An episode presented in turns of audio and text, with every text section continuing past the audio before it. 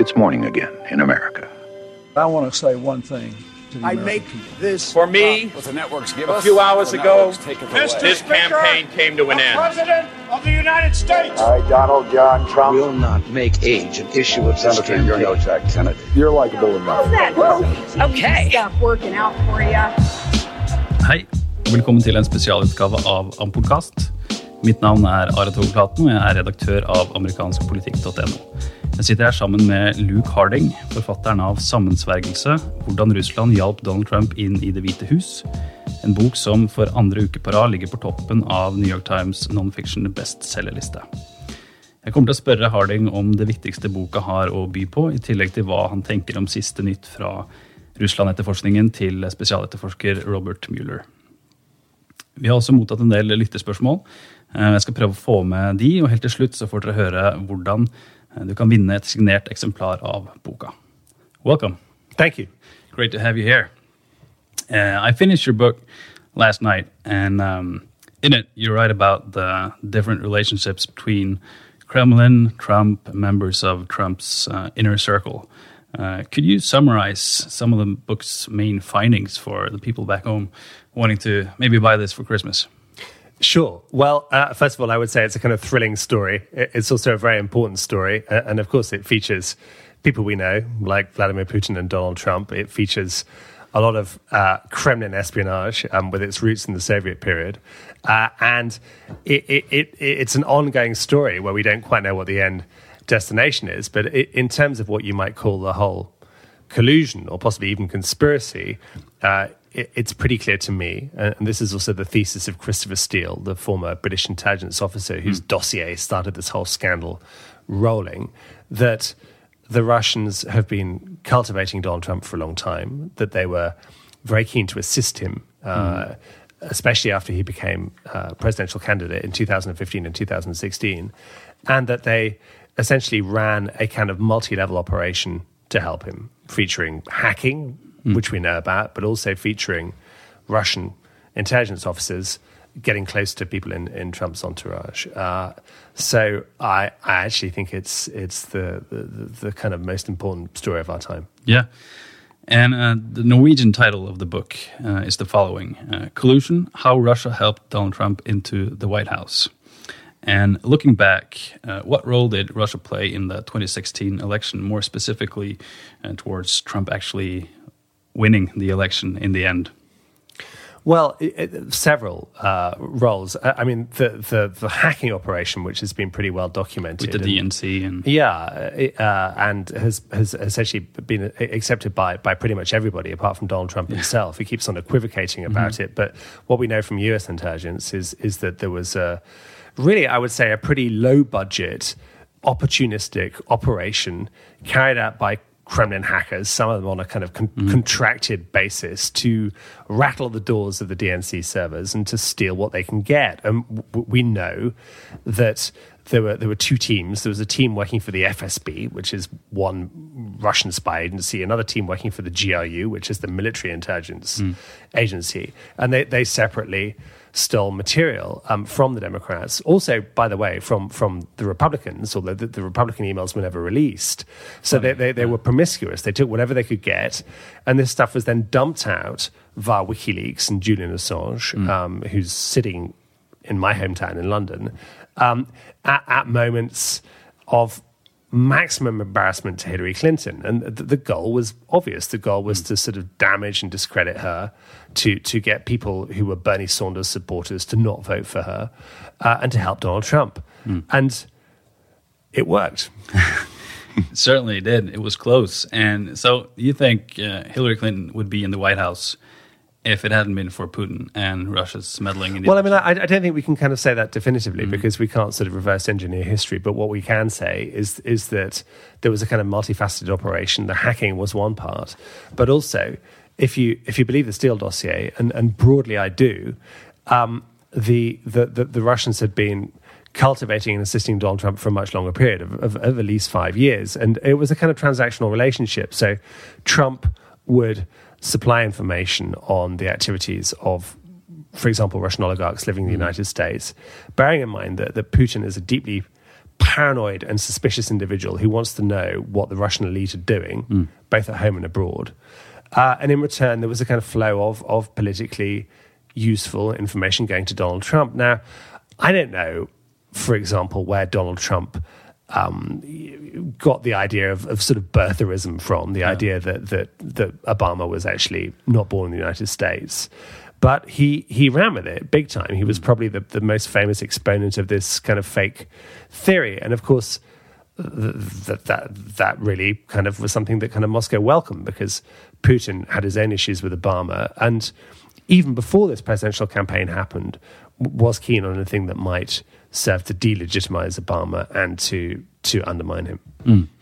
And so, uh, our listeners follow the Trump Russia story daily, uh, yeah. like most political junkies do these days. And the New York Times, Michelle Goldberg, who's re- uh, written about your book, uh, summed it up this way uh, Instead of too little evidence of Trump's Russia connections, there's too much.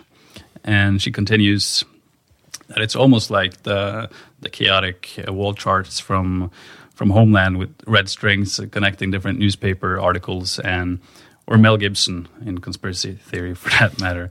Uh, could you help us out? Like, sort you've written this book, and there's a bunch of different crazy stories about Trump uh, from the campaign and going back. And how did you? Yeah, although yeah. Michelle Goldberg, what she does say, she says, so I kind of put it put it all together. Yeah, when, you, yeah. when you read it all, it's a kind of it's a sort of savage indictment. Uh, I mean, I, I, think what I was keen to do in this book was to tell the Russian half of the story because your, your listeners, I'm sure, are very familiar with the, the American protagonists involved with Trump and his family mm-hmm. and his entourage. But but actually, that's only one half, and the the other half of this kind of collusion uh, uh, comes from from from Russia. And I, I, spent four years as the Guardian's Moscow bureau chief in living in Moscow, working in Moscow, reporting from Moscow between 2007 and 2011, when when I was rather kicked out by, by, by Mr. Putin uh, and indeed by the FSB, the Russian mm. spy agency. So, what I wanted to show was that really to, to understand the extraordinary events of last year, you have to go backwards towards the Cold War and you have to look at sort of techniques of influence and espionage that were deployed by the KGB, um, including in Europe, including in Norway. Mm. They've been doing this stuff for a long time, and the goal has always been to try and support political forces in, in, in for example, European countries that, that you like, and, and to damage or discredit ones that you don't like. Um, that used to be Soviet support for, for Western communist parties or, or, attempts to kind of penetrate the Norwegian Social Democrats. Mm. And now, of course, um, while there's still some links with the kind of far left, what Putin has been doing has been supporting the kind of the far right. Um, both in Europe and, and you, you might say in the States with Donald Trump. And he, he was a kind of perfect vehicle. He was a candidate of chaos. He was someone who was incredibly rude about Hillary Clinton. And I think the plan, the Kremlin plan, was to use Trump as a vehicle for destroying mm. Clinton, who was going to win the election. That's what the Kremlin thought. Um, and so that her, her, her presidency from the very beginning would be kind of run, running with one leg. Would she would be kind of limping along and yeah. much weakened. And of course, to, to, to, to use a phrase from Brexit, Putin blew the doors off and he got Trump as mm. president. And, and that, that is both a good thing for Moscow and in some respects a bad thing. And for your book sales. Well, for my, I mean, you know, I didn't write this book cynically. I wrote the book because I think it's a thrilling story. And, yeah. and it's a story w- which isn't just a US story, it's a global story because yeah. it, it, it speaks to if you like, the fragility of the Western democratic system that we now live in a kind of postmodern age where people will see stuff on Facebook, they don't know where it's from, but they kind of like it emotionally and, and it, it sort of chimes with what. Mm. You know that their view of the world, and and they, they, what happened in America very smartly was that a lot of people were were reading this stuff, uh, which they thought was written by you know activists in Texas who mm-hmm. turned out to be professional Kremlin bloggers sitting in St. Petersburg yeah. in an office. And, and so, so th- we're now in a sort of space where you can manipulate outcomes, where you can have unscrupulous sovereign powers like Russia, but Russia won't be the last power to do this, that can, can, can use the openness of Western society against Western society. And I think this is quite a dangerous place that we're in. Mm. And at least part of the the fascination with uh, Mueller investigation, at least in Norway, I guess, is the uh, expectation and for some uh, the hope that Trump is guilty and that he has something to hide.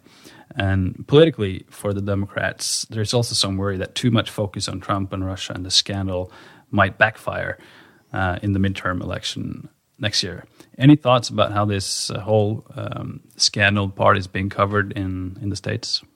Well, I, I mean, I think what's what's quite interesting is is that uh, if I sort of look at the reviews of my book, the people who've actually read it generally mm. give it five stars. They say it's wonderful, it's marvelous. Then there are a whole load of one star reviews from from from people on Amazon.com saying, you know, you are a liberal, make America great again. Yeah. You know, one star like this. Yeah. It's clear that they've they've bought, you know, they've bought a I, don't know, a lawnmower from Amazon and are now one, one starring my book because they don't like it. I mean, that, that is explicable. What I find slightly less, uh, find, find a little harder to understand mm-hmm. is, is people on, on, on the so called left of American politics who are also very skeptical and say, you know, there's no evidence here. This yeah. is just an excuse for Democrats to cover up their failure, which is a kind of line of um, argument that Trump himself takes. He sort of says, yeah. no, who knows who hacked you know the Democrats are losers, etc. Um, they throw away an election they should have won. Um, but the point is, I mean, let, us let's, let's let's just be serious here about what what happened with, with with Watergate. You had one group of Americans smearing another group of Americans. It was kind of internal plot, mm-hmm. uh, quite a sort of shabby plot, and in the end, it was the cover up that that did for Richard Nixon. Here we have something altogether graver. We have one group of Americans allegedly recruiting the kind of the, the services and, and the, the, the, hacking capacity of, of, a, of, of a country that has traditionally been America's enemy to destroy a political opponent. Now, now collusion is probably the mildest word for that. Mm. Um, and we, we, I think we're across the line with collusion, but, but actually you can see as more evidence comes out comes out that um, this story will move into the territory of what you might called treason or alleged treason. Mm. Um, so I, I think. I, I, I, I, don't see how the, the political conversation can can, mm-hmm. can can change because we have Robert Mueller's investigation, which is going on, the special counsel. He's been in the job since May, and he's mm-hmm. moving aggressively forward. We know from Trump's tweets that that he's very vexed by this situation, but we also know that people from Trump's team, including most recently Michael Flynn, have been lying. Mm-hmm. Uh, not very smartly. And Flynn has now pleaded guilty to lying. Now, why would Flynn lie? About the Trump campaign's sort of contacts with with, yeah, with Russia, and you so call him General Misha. In the book. General Misha, yeah. um, well, General Misha is just a, a, a, pen name that he he used, used in, in emails. Um, so um, I think I, I, don't think this story can be pushed away. I mean, Trump wants it to disappear. Um, mm. The Democrats may think strategically it would be wiser to focus on the economy or other matters, but it's just the preeminent topic, uh, and it's not going away. So, put it this way: for the, the so-called bedwetting Democrats who's nervous about what's going to happen, yeah. Uh, what's the most Trump positive and still slightly realistic interpretation of all the facts you have in this book if you view it like well the oh, most the most trump positive interpretation is that it is and it's a slightly bizarre argument but it's essentially this one. Uh, there's nothing to see here because we were too stupid to collude. So when we saw these russians these russian lawyers promising us emails uh, which would, would as part of the Russian government's support for, for Donald Trump. And I'm quoting here from an email sent by Rob Goldstone to Donald Trump Jr., which set up this kind of famous meeting, in, famous secret meeting in Trump Tower in, in the summer of last year. That, that they just didn't really understand what was being offered, you know, the, and, and the fact that the Russian ambassador mm-hmm. kept meeting with with Jared Kushner, with Michael Flynn, these conversations, etc. That actually they, they, they didn't amount to a whole bunch of anything. I mean, mm-hmm. but th- that's a pretty feeble argument. Is that really the best you can do? That we, we you know, we, we were, we were running such a chaotic and shambolic campaign, we just didn't notice that there were all these kind of Russians buzzing around the edges of mm-hmm. it. And I don't think it holds up. And, and I, I think what's more credible is is the sort of Steele thesis that that actually there was a collusive relationship going back quite a long way, and the the Trump team were ultimately uh, perhaps too cynical to kind of care about it. They, they w- were willing to take anything, do anything which would hurt Hillary and turned out that there were Russians bringing gifts, and they took the gifts. Yeah, and this uh, this famous uh, dossier from uh, Christopher Steele, uh, who you interview in the book, uh, in the beginning of the book, and um, what's the most credible and damning, damning part of it, as you view it? I mean, there's some parts that people know about because it's the most sensational, but there's other stuff there too that maybe people haven't heard about. Yeah, I, I mean, it's a good question. I mean, I, I, you know, I've I've talked extensively to Steele's friends as well as as well as meeting him, and and you know, the, the question I asked them was, well, why, why should we take this seriously? Because obviously, there's been enormous pushback from Republicans who who. Uh, who, who who are just interested in discrediting Christopher Steele and his his dossier, and the answer I got was essentially that that that Steele is, is, is a professional. He spent 22 years working in British intelligence. He spent three years in Moscow mm. uh, and watched the collapse of the Soviet Union firsthand. I mean, he was there um, in front of the tank when Boris Yeltsin famously stood on it and denounced the, the, the coup by the KGB.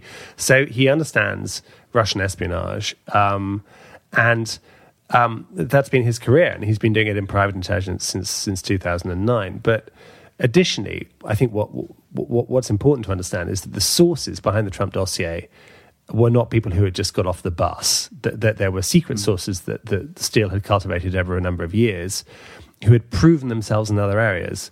So, for example, one thing I learned, you know, which is kind of new in my book, is that Trump had written more than 100 reports on the war in Ukraine after 2014 and when Putin seized um, Crimea based on these same sources. And, mm. and these reports were well, well received by US intelligence and were shared inside the US State Department um, and even sent up to John Kerry, who at that point was Secretary of State. In other words, the sources were basically right about the kind of covert operation in Ukraine. Mm. Uh, so it seems unlikely they would be entirely wrong about Trump. Uh, I mean, Steele sent out this query in early spring of 2016. He didn't know what the answer would be, but he asked his sources, mm. what are the links between Donald Trump, especially business links, and Russia? And he got replies he described as hair raising, basically saying, uh, there, there is a plot mm. here, there is a plot. And he was so alarmed that he then took this material to the FBI and asked them to investigate further. Mm. Uh, and now we are where we are. Fascinating. And James Comey, uh, he plays a, big part in this, and what Trump, when he fired him, and what Comey then said about their meetings. And got a few questions from from listeners, and one of them is about James Comey and his tweets the last couple of days. You've probably seen them, and um, What's he up to? What's what? Is it just that? I mean, he's well, he's got I, a book too. I, I mean, he, has got a book too, which is coming out. I don't know how much he's going to tell uh, beyond his kind of testimony, which, which by the way, was a kind of riveting piece of mm-hmm. Washington political theater. It was just kind of compelling. I mean, I mean, I, I think when I wrote about and with the grandfather clock, exactly. When I wrote about James Comey, um, I was mentioning the fact that he's he's a big fan of Reinhold Niebuhr, who's mm-hmm. this kind of mid-century theologian, um, and who, who talks about a kind of good man battling against evil. And it, it, it's clear, I mean, I can't speak for James mm. Comey, and obviously he'll speak for himself at some point, but it's clear from his tweets that he feels himself wronged. Mm-hmm. He feels that, that, as he said in his testimony, that he is dealing with an opponent in Donald Trump who tells lies, uh, both about him, James Comey, and about the FBI. Um, which is quite an unusual situation. I mean, generally, American presidents don't lie, or if they do, there are political consequences. Whereas Trump, it seems, lies all the time, and that's mm. part of his method. So I think, I think that that Comey is clearly aware of his role in history, and thinks that that that, that Mueller, mm. uh, that this investigation and and and the the turn of events will vindicate him mm-hmm. at some point. And and one suspects. I mean, I, I, don't think probably he does pride because he, he's quite a strong Christian. But but I, I think that when, when, that moment comes, it will be very sweet indeed. Mm. What deserves more attention in this story? The thing we need to focus on more is the thing which is just not gettable at the moment, which is the Russian side. I mean, the, the, the, it was James Oliver who compared what's happening in Washington not to Watergate. He called it stupid Watergate.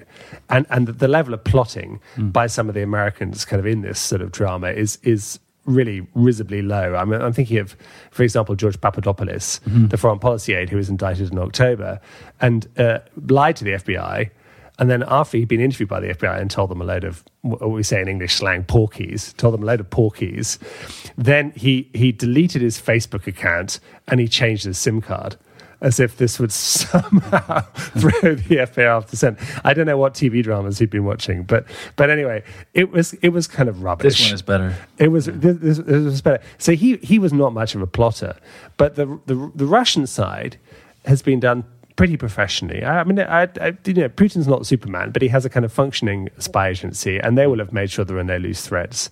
Everything will have been covered up, uh, and knowledge of this operation will be a state secret. uh, You know, of the highest category, Yeah. and and everybody in the Russian system knows what the penalty is for for talking about this stuff.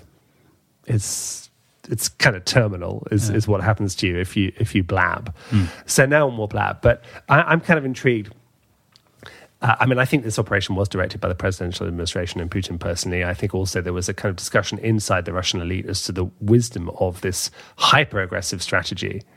Uh, I know, or, or my understanding is that someone like Sergei Kislyak, who was the Russian ambassador to the United States, privately said, "Look, are you sure this is the way to to go?" Was fearful of kind of blowback. Um, and I, I'm just kind of intrigued by that by, by that story. Um, but I, I think to for us to get that, we need the mm-hmm. end of the Putin regime. Now, Putin is standing for president again next year. I mean, he hasn't officially announced his candidacy, but everyone knows mm-hmm. he will. Uh, and it's a bit like having to wait a long time to learn the full crimes of the Soviet era and the Stalin period. I mean, that we only got those stories in the late 1980s, early 1990s, or often, sometimes 30, 40 years afterwards. Mm. We, we will get the full truth, but, but you and your listeners may be in an old people's home push, pushing on a Zimmer frame before we, before we get it. And the fascinating part is what's next, both for, I mean, President Trump and his relationship with Putin and Russia uh, and all that, but also with this investigation about Mueller. And what can we expect? I mean, speculate going forward. Well, I mean, yeah, that's an interesting question. I mean, in a way, kind of predicting the future is always a bit of a mug's game, but I I think it's fairly clear there'll be further indictments. Clearly, the focus now after after Flynn is on Jared Kushner because we, we, we know from Flynn's indictment that when before he talked to Kislyak about sanctions and then lied about it, he he first called Mar-a-Lago, Trump's summer residence, and spoke to we think Jared Kushner Now called the Winter White House. the Winter White House, yeah. Um, Jared Kushner, um, although Kushner is not named. In other words, what Flynn was doing was not a freelance operation, it was being directed from the very top. And of course, if Kushner briefed Flynn, you have to ask yourself who did Kushner talk to? Because Kushner doesn't strike me as being the kind of presiding genius in this story. Uh, and one imagines that Kushner had talked to Trump, his father in law. Yeah. I, I, we, can't say that, we can't prove that, but that would be a logical explanation of events. So, so Kushner may be indicted, and if he is, uh, I think it's it's probable or, or certainly possible that Trump will then fire Mueller because the, the, the flames have moved from the, the, the White House shrubbery in, into into the Oval Office, and and this this is very serious for him. If he fires Mueller, uh, there'll then be a massive political and kind of constitutional crisis, which at Watergate's Watergate, and I can see a scenario where where um, the Republicans refuse to move against Trump, even though there's kind of damning evidence of complicity with Moscow Yeah. uh, collected by Mueller and his team. And we just are in a kind of uncharted territory. I mean, what we can say, I think, already is this is the most scandalous presidency that, that probably any of us will experience. I mean, I can't think of a more scandalous one before this. And anybody after Trump is going to seem like Mr. Boring. Yeah, and speaking of boring, we have uh, Mike Pence sitting quietly. And um, where does it end? I mean, um, I'd like to ask you about uh, 2020. I mean, because part of this this story is uh, what Trump has uh, said about the American media for a long time, and just looking at, for example, the Senate race in Alabama, with 70 percent of the Republicans saying they don't believe the stories about Moore. Um, and this is also part of the, the Russia story. People who don't want to believe what they read in the papers about Trump, because I guess the alternative, Democratic president, would be so much worse. So even if uh, everything you mentioned happens and Trump is still there, um, what do you think happens in 2020? Well, I, I don't rule out that Trump wins again. I mean, that, that that's entirely possible. Uh, that he toughs this crisis out. That, and and in a way, this is the, the, the fact that, that Trump is actually channeling something real. He's channeling a kind of group of people in the in the states who who feel resentful, who feel that they were shafted by what happened after 2008, who feel that Obama let them down, and and also. I think most importantly, have their kind of world, their informational world, shaped by Fox News, by by Trump's own tweets, and, and they live in a kind of parallel world where where any criticism of, it, of him is fake. Now, now th- that's a kind of you know, that is kind of strange, but that is where we are. So, um, I mean, another scenario would see see Trump calling it a day after four years and and escaping impeachment, and then actually stepping down. In which case, Pence would step up. So, I, I, I, I don't know, and in a way, kind of predicting feels weird, uh, given the fact that that that, that a twenty four hour news cycle, so much can happen. I mean, in, in in a week we've had Flynn's indictment, and we've had a whole story about Deutsche Bank, the bank that lent money to to Trump, apparently being subpoenaed by Mueller. Um, and uh, you just sort of think, on the one hand, it's fascinating. On the other hand, you just want to lie down on a couch and put a towel over your head and maybe not get up for a bit. So, what are you doing these days? Paying attention to? Are, are you starting your day like the rest of us, checking your phone, breaking news alerts, and or are you working on some stuff? And so, Well, well, if I'm honest, I'm doing a whole heap of interviews. I mean, the book is a number one New York Times bestseller. I get hundreds of emails a day. I get um, some love. finally, Uh, you're on this podcast. uh, finally, I'm on this podcast, which is uh, after the New York Times bestseller list Yeah. is the next best Start thing. mentioning this. Yeah. Um, I had a letter yesterday from John Le Carre, uh, basically saying he loved my book, uh, and he that's thought it was nice. brilliant, which was great because I didn't know he'd read it. So he just, I just went to my pigeonhole and found a letter from John Le Carre. So, so there are highs. Uh, and, and then there are kind of lows when I check my Twitter feed, and it's kind of you know, get lost, shithead liberal, you know. I mean, and and really low level abuse. So, um, I- what, I- what do you I- want for Christmas? Do you want to mention from real Donald Trump on Twitter with that? No, I mean, I, I don't think he's a big reader. Um, so, I mean, you know, do I do I want to mention no? Because in a way, I kind of, it's not a game. I mean, this is kind of Yeah. serious. And what, what I was trying to do was, um, I wasn't, I wasn't, didn't want to write a polemic. I'm not an activist. I'm a storyteller. I wanted to tell the story, It's a great i- i- story. in the manner of John le Carre, but in a non-fiction book. In other words, everything in the book is empirical. It's it's true, and if I don't know it's true, I, I, I, I admit that, you know, and it's based on sources, um, some in London, some in Washington. A lot of people have helped with this book, many of them anonymously, uh, and I think ultimately it's up for it's up to your listeners, it's up to civic society, it's up for kind of people everywhere, not just in the states, to kind of try and make sense of this and form their own view. Um, but I, I do think it goes to the heart of our 21st century condition and what I was talking about earlier, the fact that that we're beginning to lose faith in our own election systems, and if you like, we need to kind of wake up to this um, and take it seriously. Thanks for taking the time. Thank you. Uh, And on some, some Norwegian. Uh, Luke Harding sitter her med et signert eksemplar av eh, boka. Eh, den kan bli din. Og For å delta i konkurransen så kan du gjøre to ting. Du kan retweete og gi oss en like på Ampolcasts eh, twittermelding om den episoden her. Eller så kan du dele episoden og tagge Ampolcast på Facebook. Du kan selvsagt gjøre begge deler, og vi hadde også satt stor pris på om du i tillegg gir oss en god anmeldelse i iTunes, slik at vi kan nå enda flere. Ampolcast finner du også i Spotify. Eh, og vi har noen buttons her. How do you like the buttons? I think the buttons are super cool. Uh, Trump Putin 2016 because in a way it tells you everything you need to know in one small button. Yeah, they're on the cover of the book, and we'll also send some buttons maybe to the some people who don't get the book in the mail. Great having you. Thank you. Thank you. It's a real pleasure.